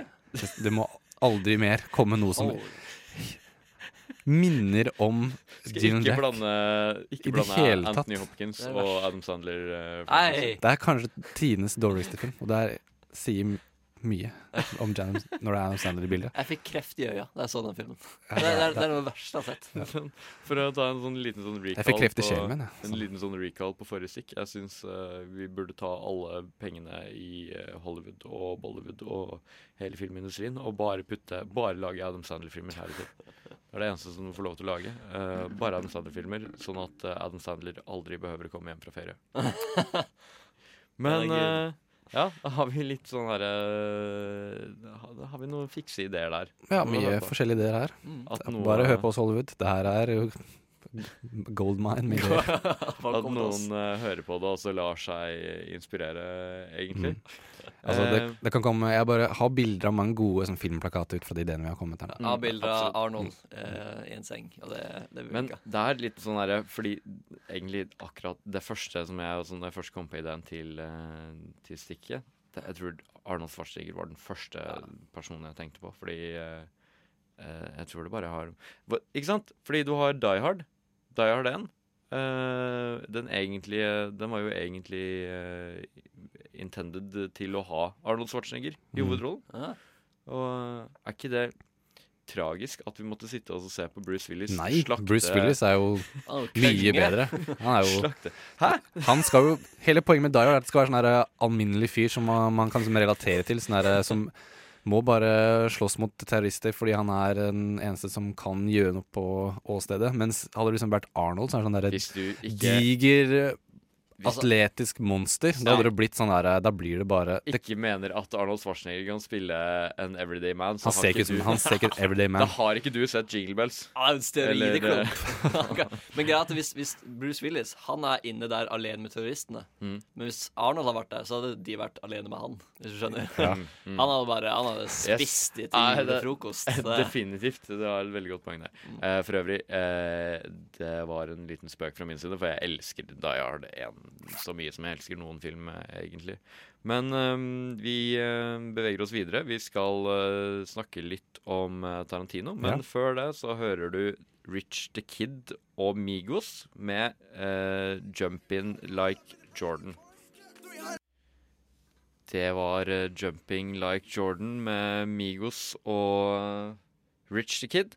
Nå skal vi snakke om Tarantino, fordi han hadde bursdag. Ja. Bursdag for uh, sånn tre dager siden cirka. Gammelen blir eh, Jeg tror han ble 54, hvis ikke jeg tar helt feil. Ble 54, ja. Ja. Og uh, Det er gammelt. Jeg vet ikke om med dere gutter, men uh, Tarantino han står mitt hjerte nært. Det er vel vanskelig å kalle seg filminteressert uten å i dagens samfunn uten å ha et eller annet forhold til eh, Tarantino, egentlig. Og greia er at det er mange som eh, hater han, og det er mange Mm. som elsker han. Mm. Det er ikke så mange som er midt på tre. det er liksom enten hater eller elsker Tarantino. Er Eh, liksom- Tror vi alle er på elsker? Ja. Nei, vi har nok det. Jeg elsker. Uh, har, har, vi list, har du lagd liste over hvor du liksom rangerer filmene hans, eh, Bjørn? Jeg har ikke um, lagd en så fullstendig liste som jeg kanskje skulle gjort, men um, hovedgreia mi er egentlig at uh, jeg synes at jeg er ikke så glad i Kill Bill. Som det er veldig er mange ikke andre. så glad i Kill Bill, nei. Så den rangerer Å, fy faen. Nå må du gå, og du er programleder. Så den rangerer liksom egentlig ganske langt uh, ned på min side. Uh, det er liksom på min liste. Uh, mot bunnen, faktisk. Men så synes Inglorious Bastards er en av de beste filmene som jeg veit, rett og slett. Ok, Hva om det er Christian? Eh, på topp så troner Django Unchained. Eh, Jaha? Ja, det er det mange som er litt sånn uenig i. Eh, ja. My heart. My heart will not go on. Jeg skal, skal, jeg, skal jeg gå gjennom alle åtte? Ja, gjør det. Ja, gjør rimelig det. fort. Det er, det, er altså, det er Django, Det er Reservoir Dogs. Det er Pulp Fiction. Så kommer Glorious Bastards. Så kommer Kill Bill-filmene, for det er regnet som én film. Mhm. Hateful Eight, Jackie Brown og Death Proof. Death Proof er nok den dårligste for min del. Ja, det var jo litt mer sånn Det var jo et eh, sånn Grindhouse-prosjekt som han hadde med Robert Rodrig Rodriguez. Ja. Rodriguez. Um, At han skulle blande den og Planet Terror-filmen til Ja, Robert, var ikke det? ja. Vel, Robert uh, Rodriguez, er det han som laga Småspioner? Stemmer. Stemmer ja. Stemmer. ja. Men det er ikke det han er mest kjent for. vil Nei, jeg nei, nei. Ja. Men, men, men Django Unchained, det er bare den mest herlige, episke historien. Sånn buddy-historien Okay. om liksom en slave og en, og en tannlege som går rundt på eventyr i USA og skal, og skal drepe folk. Eller er body hunters, da. Kan du virkelig kalle han en tannlege? Det er greit at han er Ja. utdannet tannlege, men han er vel primært uh... Ja, han, er, han er en body hunter, hvis Ja. heter. Nei, bounty hunter. bounty hunter. Ja, riktig, riktig. Mm. Så bare helt vanvittig bra skuespill fra alle kanter. Eh, Christopher Waltz som vant Oscar, og skikkelig kule quotable, eh, quotable eh, setninger, og ja. Mm. Knallsterk film. Um, fordi uh, Death Proof Jeg tror vi er mer eller mindre enige om at det er den dårligste. Ja, Ja. Den har noen kule scener i seg, vil jeg påstå. Og jeg digger jo Kurt Russell. Ja. Men uh, som en film så er den litt sånn uh, Ikke så veldig sånn cohesive. Den henger liksom Den har liksom en build-up, og så OK, nå det her er gammel film. Spoiler warning hvis du ikke har lyst til å vite noe som Mm. er litt viktig i den filmen. Men den bygger jo opp tre sånne her, Tre eller fire damer som er liksom hovedkarakterene. Og så Ja. møter en sånn her fyr, da. Og så i en bar, som er Kurt Russell. Og så er han sånn der fyr som kjører bil og bare dreper folk på landeveien. Og så blir jo hovedkarakterene Alle blir bare meia ned og drept, liksom. Spoiler! Ja. ja. Og, så, og så begynner filmen på, på nytt da med nye karakterer, og så er det sånn der Men ja, og så er det sånn Det er liksom føles veldig rart ut, da. Og du har liksom brukt en time sammen med de karakterene her, og så plutselig bare Fuck dere. Det er ikke en rød tråd gjennom Nei, filmen. nei. Jeg skal helt ærlig si at jeg husker ikke Jeg husker den ikke så veldig godt. Men er det, er det ikke sånn på, på slutten så er det sånn Den ene jenta altså, for du blir holdt gissel eller et eller annet sånt noe, og så bare Jo, det er sånn helt vill biljakt på slutten, Mm. hvor du da blir holdt som en slags gissel på panseret til Kurt Russell. Stemmer nok det. Eh, og blir bundet fast der. Det er bare skriker rundt, og det er helt, men så ganske, egentlig ganske tilfredsstillende slutt på filmen. Mm. Ja, det er det Eh, for så vidt. Ja, skal jeg ikke spoile mer, men ja. ja. Eh, Reservoir Dogs, det er en favoritt av dere? eh, Reservoir Dogs er kanskje Hvis det ikke er Inglorious Bastard, så er Reservoir Dogs Ja. min eh, favoritt. Eh. Det er kanskje den scenen med øreavkutting Mm. og uh, faen er den filmen uh, Nei, den sangen heter. Ja, det er jo Stuck in the Middle with You. Stuck in The Middle with You, Til ja. dags dato min favorittscene. Ja, for det er akkurat det jeg skulle si. Ja, jeg tror kanskje det er favorittscenen min i noen film noen gang. eh, egentlig. Og det er veldig gøy, for at, jeg husker at jeg leste et eller annet sted at folk gikk ut av salen og syntes det var sånn her, det var så outrageous at det var så grusom scene. Men Mm. Du ser jo faktisk ikke at han gjør noe. Det er bare det at du får sånn bilder i hodet ditt av Ja. det han gjør. Og det er liksom sånn der måten Alt er bare bygd opp. Det er så morbid og herlig perverst. Så det er, sånn, det er så utrolig kul scene. Det, er det som er litt greia med Tarantino, han skal liksom være sånn der king of cool. da Mm. Han er liksom skal være så suave og litt Mm. sånn der skal liksom introdusere ny, kul musikk for uh, folk og sånn type ting. For han er utrolig sånn Ikke bare filmnerd, men også sånn musikknerd. Så det Ja. er jo Ja. For han bruker jo nesten ikke noe, noe komponert, komponert musikk i filmen. Han bruker bare hits fra 70- og Mm. 80-tallet. Det er dritkult. Han er jo, han er jo helt sinnssyk. Altså, han er jo kanskje kongenarden, liksom. For jeg har, drivet, jeg har hørt på noen podkaster og sånn med han, og det er jo det er, Når det kommer til liksom film, det er uh, nesten uansett hvilken film det er liksom snakk om For han pleide, han pleide å jobbe i en sånn videobutikk. Ja. Så han har sett nesten Han har sett stort sett alle filmer, så det er nesten uavhengig hvilken film det er, så, så vet Quentin Tarantino hvem som har regissert den, hvem som har produsert den, hvem som spiller i den, og hva liksom hver enkelt person i den filmen har gjort før og etter. Det er helt sinnssykt nivå av kunnskap. Ja, men sånn Min, min favoritt er Reservoir Dogs, og så tror jeg sånn Pulp Fiction eller Kill Bill er sånn veldig sånn close eh, på andreplass for min del. Men Mm. sånn, dere, har dere noe forhold til Pulp Fiction? For jeg mener at det er liksom Det var liksom det som satte han virkelig på kartet. Og det, er- jeg føler at det er en av hans beste filmer, liksom. Hvis dere nevner sånn Django Unchained og jævla Inglorious Bastards. Liker du ikke Inglourious Halve Basterds? filmen er jo på tysk og sånn. Det er jo Det er fantastisk. Du får Er ikke det, det som er så kult og bra med hans film, er jo den der eh, smarte og kule dialogen, men det blir jo ikke noe Det er ikke fengende når det er på Ich heise dash meisch og bla, bla, bla og fransk og hunehane. Ja, det er jeg strengt tatt ikke enig i. Det er jo eh, Jeg syns at Inglorious Basterds kanskje gjør liksom best, er at det at eh, det er mye av det er på tysk og sånn, har jeg egentlig glemt. Fordi eh, jeg føler Det ikke det er glemt, ass. Det, når, når Michael Fassbender sier på tysk I was born in the village that rests in the shadow of Mount Pitzpalu. Ja. Den på, på tysk.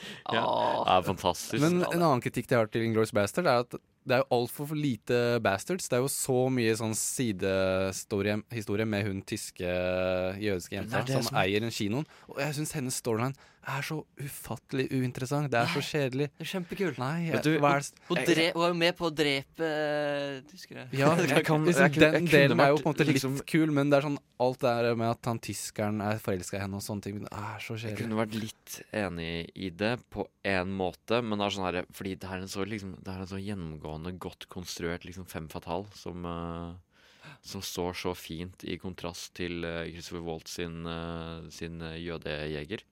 Eh, så jeg skjønner hvorfor du er kjedelig, men sånn, bare sånn i, i, i termer av min egen smak, så syns jeg det blir veldig, veldig bra. For altså, Greia er jo at eh, i helt i begynnelsen, den første scenen, som nå er blitt en litt ikonisk scene, hvor Mm. da denne Christoph Waltz snakker med denne melkebonden. Ja, det er kanskje beste scenen i hele filmen. Fantastisk scene. Og, og da, da ender det opp med at eh, Spoiler, han dreper familien til denne jenta som vi følger gjennom filmen. Mm. Så han dreper familien hennes. Og så går da denne karakterutviklinga hennes, som kanskje ikke er den beste jeg har sett på film, men allikevel. Det ender jo opp med at hun dreper Ja, ja. så sjukt mange tyskere. Yes, ikke akkurat uh, han, kanskje, men, uh, men bare, bare alle. Ja. Alle dør. Og, og er- så bare ler hun mens de dør, liksom. Ja. Det, Men sånn, For det er greit, fordi altså, Det er greit, det er bra, men liksom alt opp til det leder opp til det tar så lang tid. Og jeg føler at det er nesten to filmer i én film. Det er sånn derre det er hennes historie, og så er det liksom Basselsen historie, og så tilfeldigvis så bare møter du opp i samme kino på slutten. Mm. Føler jeg. ja. Ja, Og så Austin Powers med den. det er kanskje litt mange en, liten, liten cameo av Austin Powers. Ja. Det er, det er veldig gøy. Ja, riktig. Som, eh, det var som general. eh, general, uh, liksom. Ja, Da, ja, riktig, riktig. Ja, den sekvensen syns jeg er helt fantastisk. Good, good chap. Uh, det, Ja. Virkelig den derre eh, have a drink-greia. jeg synes Men, ja, men altså, for all del, eh, Pulp Fiction er jo en av verdens beste filmer. Uten tvil. Uten tvil. Det er liksom Det er bare, ja, det er bare, det er bare common sense å tenke det, liksom. Så Kanskje, eh, kanskje det er litt av For at jeg er jo litt sånn Jeg er jo litt eldre enn dere to, da, så kanskje jeg har litt sånn nærere forhold til de eldre filmene, mens dere som kanskje var litt Som har liksom sett eh, Nå høres det jo ut som om du er 45 og vi er 16, da. Men, Ja, men dere er jo sånn starten av 20-åra, er dere ikke det? Jo, Det er riktig, Mens jeg er sånn slutten av 20-åra, så det blir jo en viss uh, aldersforskjell Ja, jeg skjønner det. Ja. Uh, vi skal ta en uh, liten pause, og så skal vi snakke mer om Tarantino. Men før det så skal vi høre Sam's Shooting med Short Skirts. Det var Sams Shooting med Short Skirts. Short skirts. Ja. Um, og vi skal fortsette å snakke om uh, Tarantino. Uh, Gode, gamle Quentin. ja. Mm, mm. Har du noe um, har, har du noen flere innvendinger? eh, Noe mer også Og, Nei, nå har vi snakka om hva jeg syns om Glorious Bastards. piske oss? Uh, Vi glossa jo så vidt over Pulp Fiction, men jeg må jo si at Pulp Fiction har jo så utrolig mye Har hatt så stor impact på Eller på liksom, påvirkningskraft på popkulturen eh, nå til dags. Sånn derre ja, Hvor mange har jeg ikke sett med sånn derre I'm a bad motherfucker, motherfucker, lommebok ja. og Mm. Men jeg må jo si at jeg synes det er litt sånn her eh, Beklager eh, hard kritikk, men litt usaklig av deg å kritisere Inglorious Bastards for å være to filmer samla i én. Altså, nå skal du lovprise Pulp Fiction. Ja, men Pulp Fiction var jo en av de første Eller første filmen han lagde Eller Reservoir Dogs har jo sånn bytt Han flipper narrativen. Mm. Men jeg syns at uh, i uh, ja, Du er helt enig at det er flere, flere historier i én film i Pulp Fiction, men jeg føler at i Pulp Fiction så funka det så utrolig mye bedre enn det gjorde i f.eks. Uh, Inglorious Bastards, fordi at alle storylinesene for min del var interessante, og de uh, interlappa mye bedre i Pulp Fiction, fordi at du har liksom uh, Den starter med et, Det starter et sted Hvor Mm. de sitter i dineren, hvor to personer som du er sånn Du tror liksom at de som skal, kanskje filmen skal handle om, og så blir den brått avbrutt, og så kutter det til to sånne hitmen, Mm. og så og så ser du at og så Den hopper fra sted til sted, veldig sånn interessant, og hvordan ting på en måte kommer tilbake inn til der det starta, på en veldig sånn kul eh, måte. Mm. Mens uh, Inglourious Bastard så var det veldig sånn to stykker side om side, og jeg syns ikke at uh, for min del at den jødiske jenta sin historie var altså, så interessant. Jeg skjønner jo på en måte hva du mener, men uh, jeg tror igjen at det er litt sånn, det er litt sånn smaksgreie. jeg kan ikke forsvare det altfor hardt eh, objektivt, eh, tror jeg, men det bare, for meg så funka det veldig godt. Og da er det sånn der, når vi liksom skal snakke om Tarantino, så er liksom det som jeg, det som jeg virkelig elsker med Tarantino, er jo de her, de her lange samtalene. Eh, om det er på tysk eller om det er på engelsk. Det, er sånn her, det, det spiller ingen rolle for meg. Jeg blir liksom bare Jeg bare elsker jeg, De samtalene det er så Det er så kul dialog, liksom. Det er ingen som snakker så kult, og så fortsatt så høres det så liksom realistisk ut. Så det gir meg liksom den følelsen av at ja, nei, jeg også kan, uh, ha, eh, kan være så kul når jeg liksom okay. diskuterer Og så funker det eh, ikke. Nei. Nå skal, jeg nå skal jeg være douchebag mot deg. Ja. Si en sånn dritfet uh, quote fra Inglorious Bastards hvor de, har, hvor de snakker ikke på engelsk. Har du noen forslag? Har du noen Når de gode ikke snakker engelsk. Ja, for du sier jo at du syns det er fett på eng ikke, når det er på sånn tysk og du, liksom- Massevis. Men det var jo sånn som når han nevnte på Når, eh, når eh, In the Shadow of Pitzbely Ja, akkurat den sier de på tysk, faktisk. Altså, hæ? Akkurat den sier de på tysk. Ja, han sier jo det på tysk. Det er jo sånn at Vi sier det på engelsk av en eller annen grunn, men eh, Ja, ja. Men Det eh, er bare tekstinga. Ja, derfor. ikke sant? Så det det er jo liksom det her Pitzbely og så um, Jo. Ja. Eh, they call him the, the bear Jew. Bare den Bear-Juden. Ja, det Ja. bear-juden.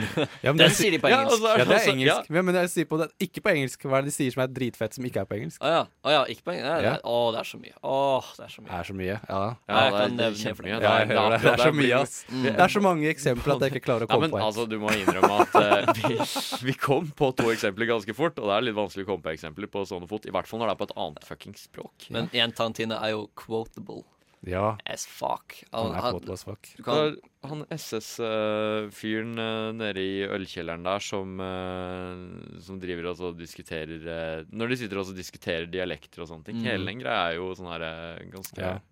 fascinerende. Den er ganske god, men uh, det er jo Jeg føler at det, den, det som gjør det god, er at det er jo de Det er liksom Det er uh, The Bastards som vi Man holder liksom med, da. Mens når det er Men- igjen hun dama apropos, apropos quotable på andre språk. I din favoritt eh, Kill Bill Jeg tror det er Kill Bill 1. Ja, Kill Bill 1. Mm. Så er det altså hun, eh, den asiatiske dama som da skal drepe uh, The Bride. Mm. Hun, hun sier i et møte et eller annet lignende på eh, kinesisk, da, sånn eh, what, am I, what I'm about to say now is so important. I'm gonna say it in English. Ja. Det høres fortsatt litt indisk ut. Ja, da er det indisk.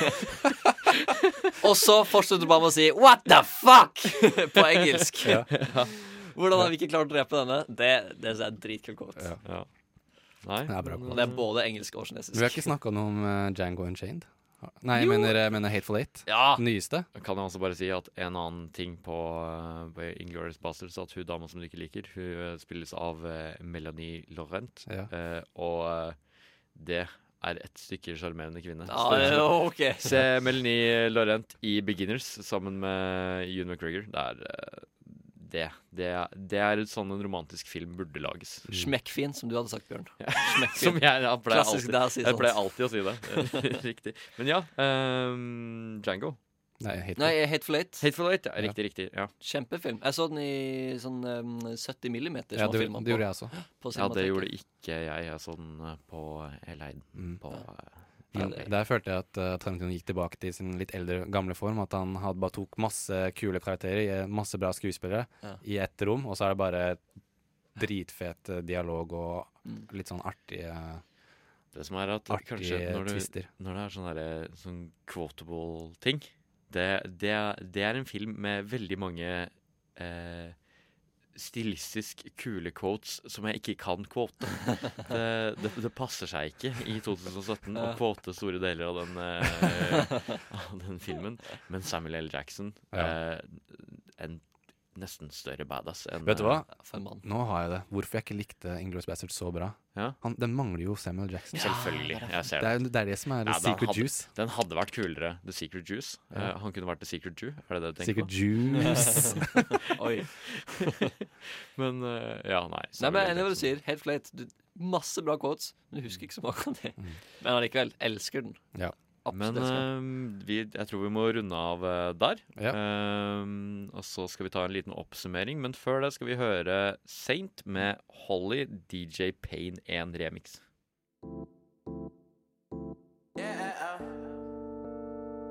Ja, da nærmer vi oss eh, dessverre slutten for eh, den sendinga her i dag. Men det har vært god stemning her, har det ikke det? Jo, Oh, yes. absolutt. Yes. Mhm. Vi har hatt besøk av uh, Gjermund fra Arabiske filmdager. Hyggelig fyr. Eh, sjekk ut Arabiske filmdager. Eh, Google det, finn det på nettet, se om det er noe for dere. Eh, vi har anmeldt uh, Tone Hafsås har anmeldt uh, Ghost in the Shell. Ja. Anmeldt Tone. Vi har anmeldt Tone som Ja, fire av ti. Ja, fire av ti. Han var slem. Hun er alltid en Ti av ti. tier. Ti Ti av av ti. ti. Eh, Ghost in the Shell fikk seks av ti, så hvis du er interessert, så sjekk den ut. Hvis det høres ut som det er noe for deg. Eh, vi har drømt litt, og så har vi snakka om Quentin Tarantino. Gode, gamle Quentin. Gode, gamle Quentin. eh, Quentin Tarantino. som vi helt sikkert gjerne skulle liksom sitte og snakke om mer. Eh, med meg i studio har jeg hatt eh, Christian eh, Veås. Vehus. Vehus. Ja, stemmer det. Beklager det. Hei, hei. Eh, og, og Tage Rivas Tollefsen. Stemmer det? Yes, fikk det den. Yeah. Eh, jeg er Bjørn Christian eh, Sveen. Eh, sjekk ut eh, Nova Noir på Facebook og Instagram og Twitter og alt annet. bare egentlig google Nova Noir. Eh, tusen takk for i dag. Eh, si ha det bra, gutter. Ha det bra, gutter. Ha det bra, gutter.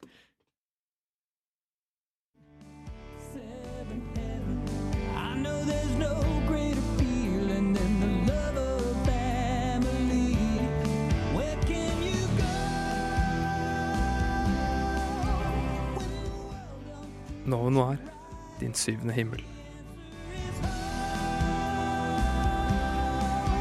That's the one place that you'll find seventh heaven.